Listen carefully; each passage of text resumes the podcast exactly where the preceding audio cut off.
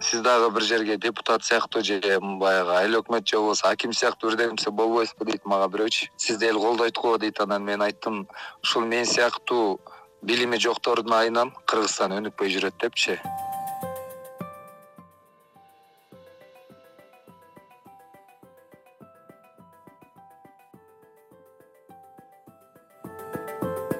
Мисалы бир адам менен урушкум келбейт же болбосо адамдарды баарын жакшы көргүм келет эмнегедир бул адамды өйдө көрүп бул адамды ылдый көрбөйм баардык адамды бирдей көргүм келет. Мага эчтеке кереги жок мен тарыхта калгым келет үрүм бутагым мен менен сыймыктанса экен деп кыялданып анан элди башкарган бир ажоо болуп кыргызстанды бир өнүктүрсө деп кыялданам.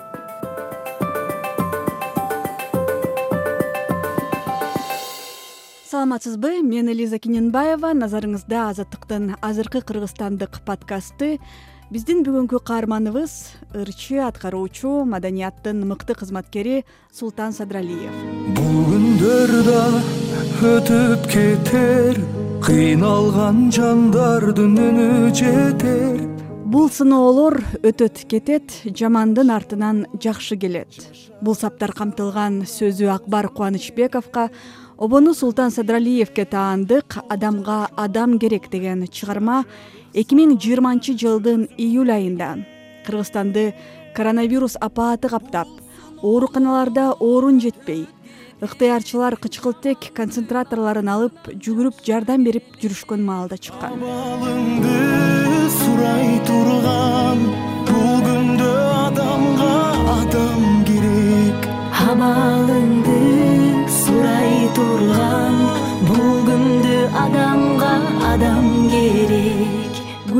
ондогон мекендештерибизден айрылып жаткан маалда бул чыгарманы көзгө жаш албай угуу мүмкүн эмес эле. Таң өзгөчө кубат берген канча кыйын күн келсе да адамбыз баарына чыдап келген. Ошол кезде өзүм дагы жүрөгүм аябай ооруду. Материалдык жактан баягы элге аябай жардам бере албай жатканымды сездим эми анча мынча эми чала була жардам берип аттык эми ал эсептелинбейт. Анан ошол кезде чыгармачылык менен баягы бир жардам бергим келди аябай. Биринчи башталышында жазганмын. Анан бул нерсе токтоп калгандан кийин мен ойлогом бул ырды чыгарбай эле коелу депчи.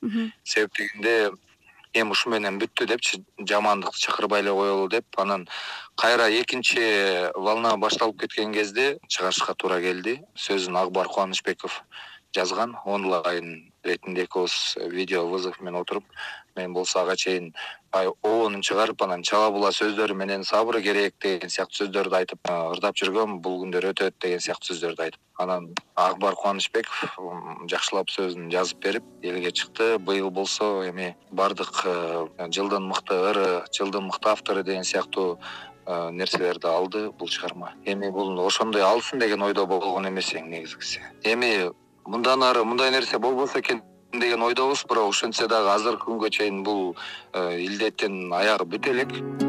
Бирөөгө зар бала бирөөлөр кор бала бирөөлөр саткан сом бала. Султан садралиев отуз беш жашта ал эки миң алтынчы эки миң жетинчи жылдары мирбек атабеков урмат усенов сыяктуу ырчылар менен бирге жаңы толкун болуп эл алдына чыга келген. Ал эстрада жанрындагы ырларды аткаруу менен бирге комуз домбура менен фольклордук чыгармаларды дагы элге тартуулап жүрөт.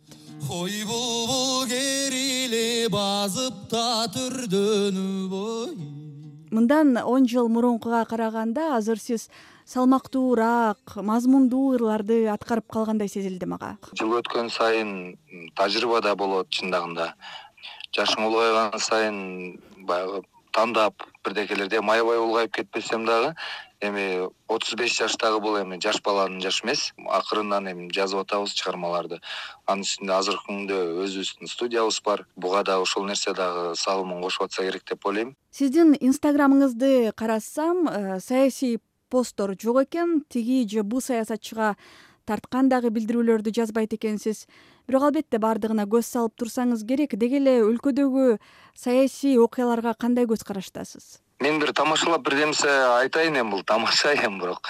Ошентсе дагы э, бир жолу э, өзүмдүн машинамдын дөңгөлөгү жарылып калыптыр анан бир жака аябай шашып аткам. Таксиге отуруп калдым таксиге отуруп кетип баратсам ушул башаламандык болуп аткан кезде сиз дагы бир жерге депутат сыяктуу же баягы айыл өкмөт же болбосо аким сыяктуу бирдеме нерсе болбойсузбу дейт мага бирөөчү сизди эл колдойт го дейт анан мен айттым ушул мен сыяктуу билими жоктордун айынан кыргызстан өнүкпөй жүрөт депчи ошон үчүн мен айткым келгени бул эми бул тамаша сөз.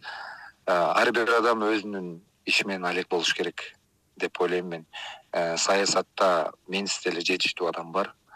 Тем более саясатты сүйлөй турган мен эч нерсени жакшы түшүнбөгөндөн кийин э, же болбосо саясий бирдемсеге аралаша турган же андай пост жаза тургандай мен ал нерсени жакшы түшүнбөйм. Мен болгону үстүртөн жалпак тил менен айтканда кыргызстан өнүгүшүнө абдан салымын кошкон мыкты мыкты инсандар ушул саясатка келгенин каалайм.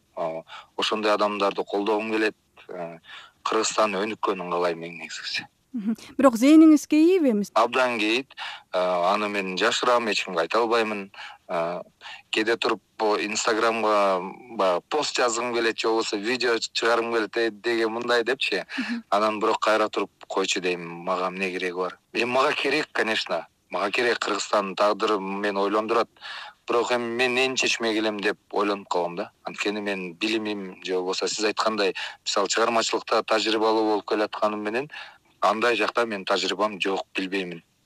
Ошон үчүн бирок зээним аябай кейийт болуп аткан нерселерге коомчулук дагы абдан кейим сөзсүз социалдык тармактар демекчи технология интернет өнүккөн сайын баардык нерсенин анын ичинде силердин ырлардын дагы өмүрү кыска болуп жаткандай сезилет. Сизге кандай? Сезилет. Азыркы күндө көп эле чыгармалар жаралат. Баардык чыгармачыл инсандардан жакшы чыгармалар бирок негедир сиз айткандай эки ай үч ай же болбосо беш ай же болбосо бир жыл андан уже уже баягы өзүнүн сапатын жоготконсуп же болбосо азыр технология өнүккөнүнө байланыштуубу жыл сайын ар кандай техника менен ырлар жаралып баштады.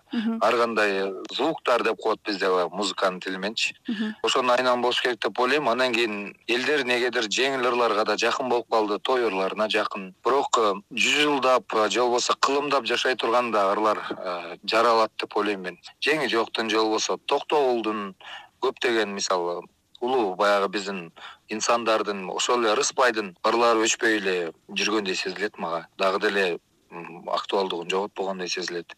Анан ошондой сыяктуу чыгармаларды биз дагы колдон келсе кудайым буюрса жаратарбыз деген үмүттөбүз ошого аракет кылабыз. Быйыл э, элмирбек иманалиев зайырбек ажыматов сыяктуу бир катар залкар инсандар өтүп кетишти анан биз негизи эле адамдын көзү өткөндөн кийин баалап алар тууралуу социалдык тармактарга жазып алардын мурда берген маектерин көрүп баалап калат экенбиз да. Анан быйылкы жыл жакындарды деги эле тирүүлүктү баалаганды кандайдыр бир деңгээлде үйрөттү окшойт бизге. Биз ошо баягы куудулдар дагы тамашалап айтып калышат го.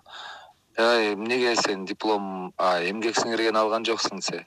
Өлгөндөн кийин берет буюрса депчи ошондой болуп биздики ушундай го өзү өлгөндөн кийин жакшы адам дейбиз э, же болбосо чыгармаларын барктайбыз ага чейин сыйлабайбыз чындыгында адамдык сапатты баарыбыз жакшы алып жүрсөк эле жакшы болот деп ойлойм анткени бул жалган жашоодо ичи тарлык же болбосо э, көрө албастык деген нерселер жок болуш керек адамзатындачы ичиң таарбаганда абаны үйгө киргизип ал баардыгын эл эшиктеги элдердин баардыгы тунчугуп өлүп калсын. Антип абаны киргизе албагандан кийин жөн эле жашаш керек депчи.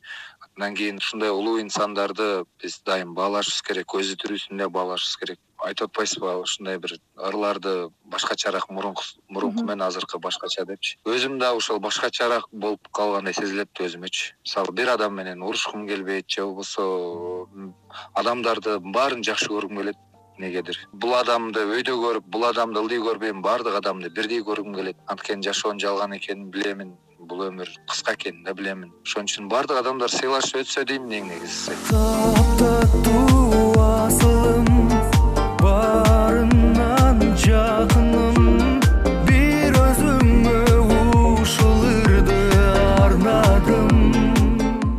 султан садыралиев үй бүлөлүү бир кыз эки уулдун атасы ал балдарды заманбап ыкмалар менен кыргыз салттарына нарк насилдерине шайкеш тарбияласа тиркөөлүк наадандык деген жаман сапаттардан алыс болот эле деген ойдо. Анан ошол баягы ата бабабыздын жолун жолдоп ошолордун баягы калтырып кеткен бир насыяттарын ошондой нерселердин баарын укса кыргыз эли өзү негизи байыртан келаткан эл кылымга арткан кырк уруудан куралган деген сыяктуу. Бул эл өзү башынан эле баягы биз азыр динге дагы кирип атпайлыбы? Дин дагы аябай өнүгүп атат мусулман баягы ислам дини.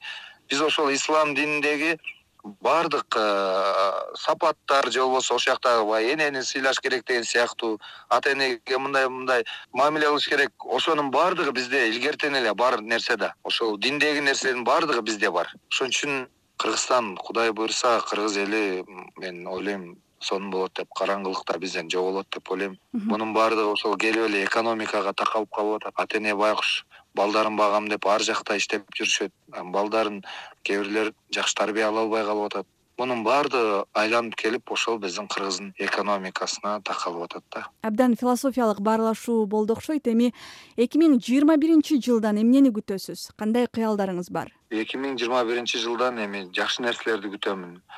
Кыргыздын карызынын кутулганын күтөмүн кыргызстандын өнүгүшүн күтөм дүйнө жүзүндө тынччылык болгонун күтөм жанагындай апаттар болбогонун күтөм могу адамга адам керек деген ырдын ырдалбаганын күтөм мындан ары мындай ырлар ырдалбай шаңдуу ырлардын ырдалганын күтөм кылып элибизде тынччылык болуп мынакей азыркы күндө жаңы ажоону тандап атабыз. Ошого бир татыктуу президент келип отуруп элим жерим деп күйгөн.